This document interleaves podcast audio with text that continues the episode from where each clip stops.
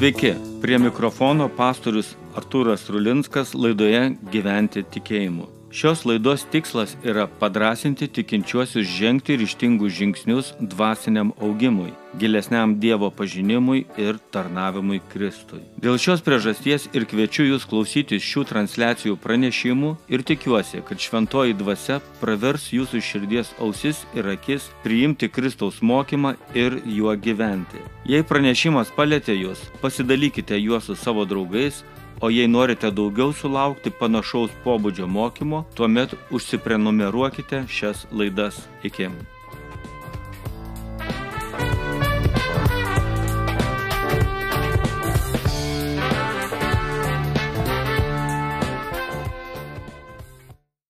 Žmogus pagal Dievo širdį. Niekada nenaujas, bet visada senas nacionalizmas. Pagal 2 Samuelio knygą 21 skyriaus pasakojimą. Pranešimą pavadinimu Niekada naujas, bet visada senas nacionalizmas dalinausi vienos konferencijos metu, kurios tema buvo neonacionalizmas. Šios tarptautinės konferencijos dalyviai buvo teologijos studentai ir dėstytojai. Vis dėlto šios mintis yra vertos apmastyti ne vien tik teologiją ir jos dėsniais besidomintiems asmenims, bet kiekvienam žmogui gyvenančiam visuomenėje. Dabartiniai laikai yra tokie, kuriuos mes vadiname globalizacija. Žmonės dabar keliauja iš visur į visur. Kiekviename mieste dabar turime įvairiausių tautybių žmonių, kalbančių įvairiomis kalbomis, praktikuojančių skirtingas religijas. Kai laikas yra ramus, dažniausiai tokia įvairovė niekam nekliūna. Tačiau, kai atsiranda kokie nors tarptautiniai konfliktai, staiga žmonės, kurie seniau nekliūdavo ir būdavo draugais, tampa priešais, įtartinais, svetimais, nepageidautinais.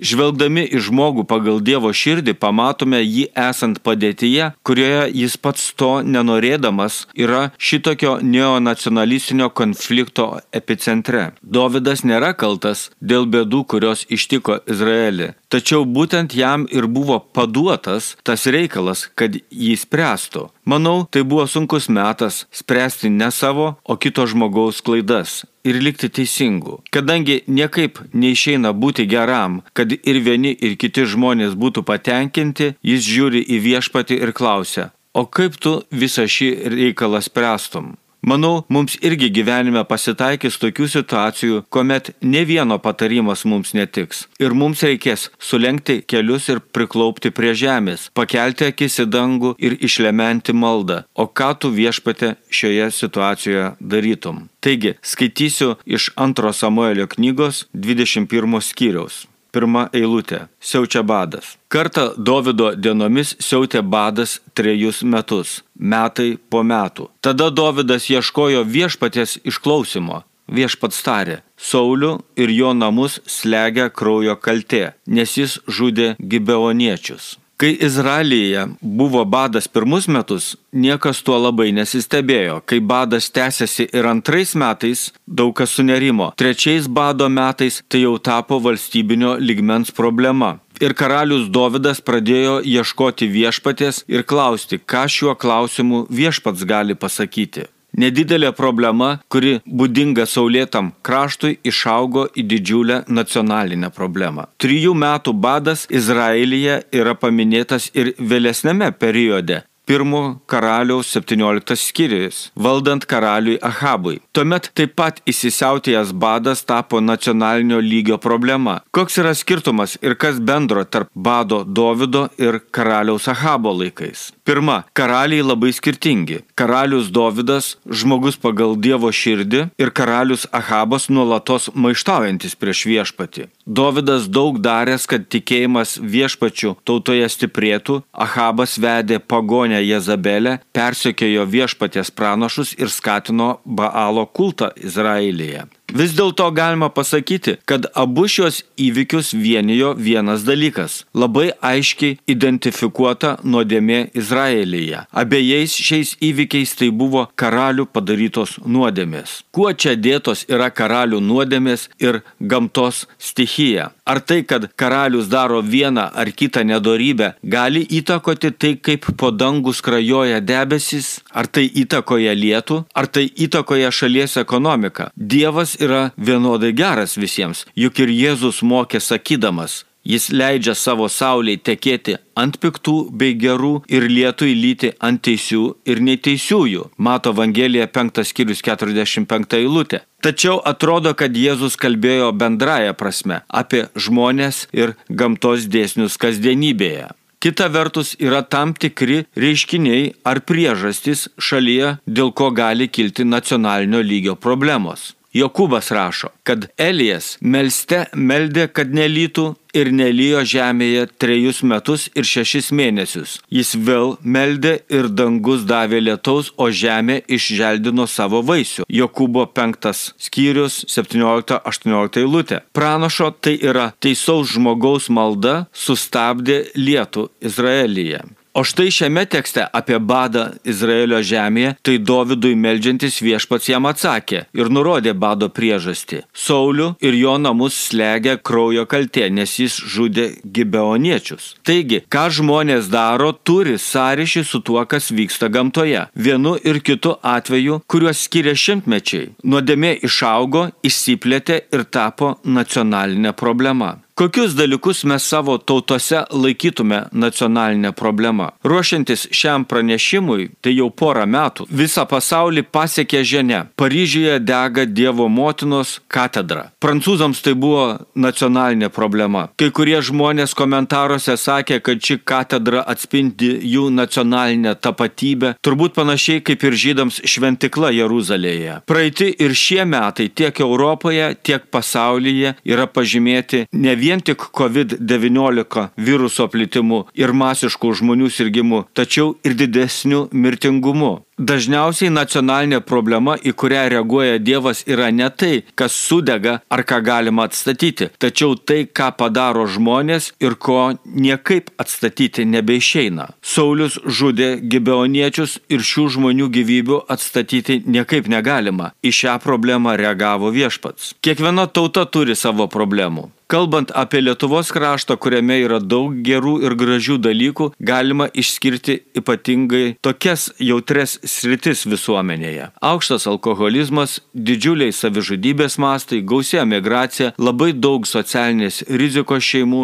palyginti didelis skaičius valstybės globojimų vaikų, kurie turi savo tėvus. Turbūt dar būtų galima paminėti aukštą nusikalstamumą, tačiau Lietuvoje jis yra ganėtinai nedidelis, nes dauguma nusikaltelių yra išvykę uždarbiauti į užsienį. Lietuvoje taip pat siaučia badas. Normalių santykių, uždarbio pragyvenimui, požiūrio pasitikėti vienas kitu, sažiningo darbo, rūpinimuose silpnaisiais. Turbūt šioje vietoje verta užduoti klausimą, ar mūsų problemos tikrai jos yra mūsų kartos žmonių sukurtos problemos ar paveldėtos, pasiekmė nuodėmių, kurias reikėtų pripažinti. Žvelkime toliau. Skaitau antrą Samuelio 21 skyriaus antrą trečiasias eilutes. Uolus savo nacijai. Gibeoniečiai nebuvo kilę iš izraelitų, bet iš amoriečio likučio, nors izraelitai buvo jiems prisiekę. Tačiau Saulis, būdamas uolus izraeliams ir judėjams, siekė juos išnaikinti. Dovydas tarė gibeoniečiams, ką turiu jums padaryti ir kuo galiu permaldauti, kad laimintumėte viešpaties veldinį. 20-ame amžiuje ir Europoje ir visame pasaulyje susiformavo daug valstybių, kurių anksčiau pasaulio žemėlapyje net nebuvo. Daugelis iš tų valstybių susiformavo tautiniu pagrindu. Pavyzdžiui, Lietuva viduržamžiais buvo Lietuvos didžioji kunigaikštystė ir tai buvo labai etniškai mišri valstybė, su daugybė tautinių grupių ir tikybių ir didelį plotą užimanti valstybė. Pirmoji lietuviškoji Biblija buvo atspausdinta dabartinės Baltarusijos Rusijos Bresto mieste 1563 metais ir buvo pavadinta Brastos vardu. Ji buvo išversta ne į lietuvių, bet į lenkų kalbą, kas atspindi tuometinę tautinę LDK demografiją. 20-ame amžiuje atkurta valstybė buvo labai skirtinga nuo LDK, ne tik dėl teritorijos dydžio, tačiau ir tuo, kad dabar joje stipriai dominavo lietuviai. Panašiai 20-ame amžiuje po 2000 metų 1948 metais buvo atkurta Izraelio valstybė su dauguma gyventojų žydiškos kilmės, kalbančių hebrajišką kalbą. Tautinis etniškumas buvo daugeliu naujai atkurtų 20-ojo amžiaus valstybių pagrindas. Kalbėdami apie neonacionalizmą negalime paminėti to fakto, kad neonacionalizmas iškeldamas vieną tautinę grupę virš kitos, tuo pačiu ir sumenkina kitos tautos reikšmingumą. Lietuvos neonacijai dažniausiai per Lietuvos nepriklausomybės ar nepriklausomybės atstatymo šventes žygioja per Vilnių su vėliavomis ir tautiniais simboliais ir skanduoja Lietuva lietuviams. Be abejo, tai žaidžia tautinės mažumas, tačiau tai neonacionalistams atrodo teisinga. 1937 metais Berlyne susirinkus minioms Adolfas Hitleris, kuris tuo metu patyrė šiokį tokį politinį nepopuliarumą, pradėjo šaukti. Ir kas yra atsakingas už mūsų visus vargus? A. Benas Kohenas atšaukė jam iš minios. Baikeriai. Kodėl baikeriai? riktelėjo atgal Führeris. O kodėl žydai, jam atsakė Kohenas. Mat, radus atpirkimo ožį yra lengviau vykdyti šio ožio išvarimo politiką ir gauti savo gerų reitingų. Samuelio knygos metraščiai kalba, kad Saulis vykdė gibeoniečių genocidą, būdamas uolus Izraeliams ir judėjams, pagal 2 Samuelio 21 skyrio antrą eilutę. Pirmiausia, turime prisiminti, kad Saulis valdydamas šalį represijų ėmėsi ne vien tik prieš gibeonitus, bet ir prieš savo paties tautą, kuomet jis dėl politinių motyvų įtardamas palaikymą konkurentui Dovydui nužudė kunigą Ahimelechą ir visus nuobo gyventojus, įskaitant vyrus, moteris, vaikus, kūdikius. Antra, Sauliui reikėjo sustiprinti nacionalistinės nuotaikas savo reputacijai pagerinti ir būtent todėl jis tą perdėtą uolumą izraelitams ir judėjams išreiškė žudydamas svetimtaučius, gyvenančius savo giminės Benjamino žemėse. Reikia manyti, kad išžudžius gibeonitus atsilaisvino žemės plotai ir izraelitai galėjo keltis, gyventi į jų kaimus ir miestelius. Nacionalizmas Izraelyje buvo sukeltas ne žmonių judėjimo, bet vieno lyderio, kuriam reikėjo gyventojų pritarimo savo galiai palaikyti. Nacionalizmas visada bus žmonijoje. Nėra tokio dalyko kaip neonacionalizmas, tarsi jis būtų įmanomas išgyvendinti, nes visada anksčiau ar vėliau atsiras, jei tam bus suteikta tokia galimybė, stiprus lyderis, kuris gros šiomis jautriomis žmonių tapatybės stygomis ir vargas mažumai, prieš kurią yra nukreiptas tas perdėtas uolumas. Krauju už kraują. Skaitysiu 2 Samuelio 21 skyriaus 4 eilutę ir 6 skyriaus 14. Mes nereikalaujame sidabro ar aukso iš Sauliaus ir jo namų. Te būna mums išduoti septyni vyrai iš jo sūnų, kad juos nužudę išstatytume Gibeono viešpačiui viešpaties kalnę. Karalius tarė, aš išduosiu.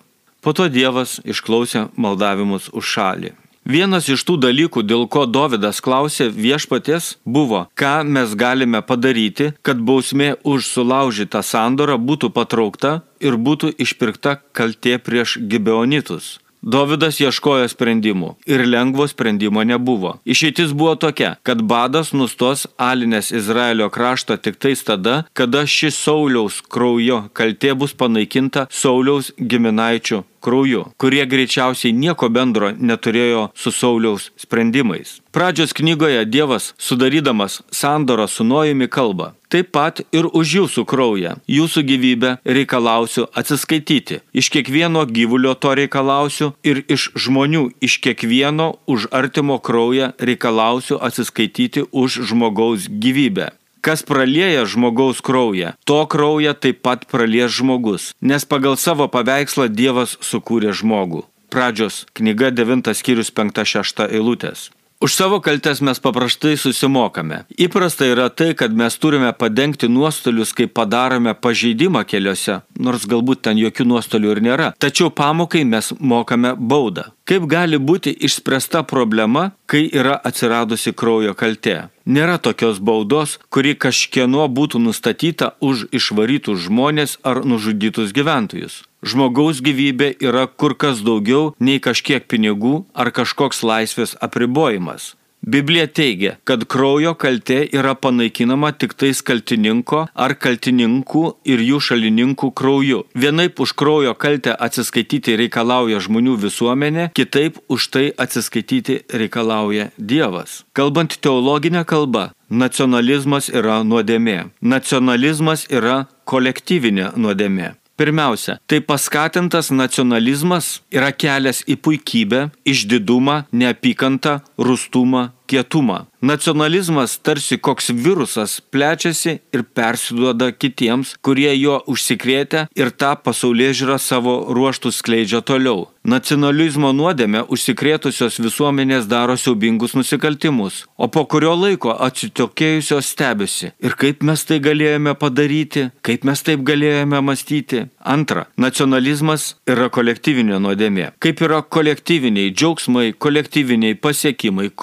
kolektyvinė gerovė, taip yra ir kolektyvinė nuodėmė. Komet jau yra įsigalėjusi kolektyvinė nuodėmė, turbūt nėra galios galinčios pasakyti, kad ta nuodėmė yra pražotinga ir tiems, į kuriuos ji yra nukreipta, ir tiems, kurie ją yra užsikrėtę. Biblijoje prieš kolektyvinę nuodėmę asmeniškai veikia Dievas. Pavyzdžiui, tai buvo sunaikinti Sodomos ir Gomoros miestai. Dėl kolektyvinės nuodėmės buvo sugriauta Jeruzalė šeštame amžiuje prieš Kristų ir pirmame amžiuje po Kristaus. Gibeono žmonės Dovydui labai aiškiai sako, joks kalties išpirkimas, nereikalavome sidabro ar aukso iš Saulės ir jo namų, yra negalimas, išskyrus tą, kuris atrodo nehumaniškai žiaurus. Tebūnie mums išduoti septyni vyrai iš jo sūnų, kuriuos nužudė įstatytume Gibeono viešpačiui viešpatės kalne. Karaliui, kuris pagal Biblijos aprašymus yra žmogus pagal Dievo širdį, šis reikalavimas buvo suprantamas,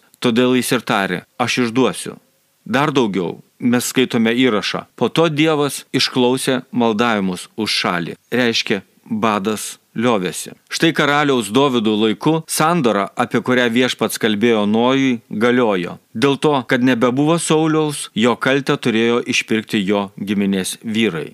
Pabaigai. Ką mes galime padaryti, kai prieš savo akis matome atgimstantį nacionalizmą ir didėjančią nesantaiką tarp skirtingų žmonių grupių? Pirmiausia, mes turime skatinti dorybės ir jomis nugalėti nuodėmės. Kiekviena dorybė turi ją greunančią nuodėmę. Ir kiekviena nuodėmė turi ją naikinančią dorybę. Kai dikomoje buvo gundomas Jėzus, šetonas jį bandė sugriauti pasiryžimą Jėzui įgyvendinti jam paskirtą misiją. Evangelija pagal Mata 4 skyrius 1.11 eilutės yra tas aprašymas. Pirmiausia, Jėzus labai stipriai jautė fizinį alkį. Šetonas jam pasiūlė iš akmenų stebuklingomis galiomis pasidaryti duonos. Jėzaus reakcija. Dievo žodis yra kasdieninė duona. Maitindamasis Dievo žodžiu, pasisotinsi, pasotinsi savo sielą dvasiniu maistu ir tai mūsų mintise privalo būti svarbiau nei pasisotinti kuniškuoju maistu. Taigi, maitinkime Dievo žodžiu. Antra, gundimas. Nušok nuo šventyklos krašto ir visiems kitiems įrodyk, kad esi mesijas, nes tu tikrai neužsimuši. Piknaudžiauti ypatingojo statuso religinėje struktūroje bažnyčia lydi nuo pat pradžių. Dėl to Jėzus mokinius iš karto mokė, kad didžiausias yra ne tas, kas valdo, bet tas, kuris tarnauja. Iš didumo ir garbės atsižadame, kuomet nuolankiai tarnaujame, gyvename paprastai. Trečias Jėzaus mėginimas buvo parklubdyti Kristų, suteikiant jam politinės galės. Jėzus gavo pasiūlymą pasiūlymą turėti pasauliui neribotą valdžią ir tai būtų jam tvirtas pagrindas įtikinti žmonės, kad šie geriau jį tikėtų ir garbintų. Akivaizdžiai Jėzus atsisakė politinės galios požiūrio, prievartinio mechanizmo, kad jam žmonės tarnautų ir jį garbintų, kaip tai darė Romos imperatoriai. Ir vietoj to pasirinko garbinti tik viešpati ir jam vienam tarnauti.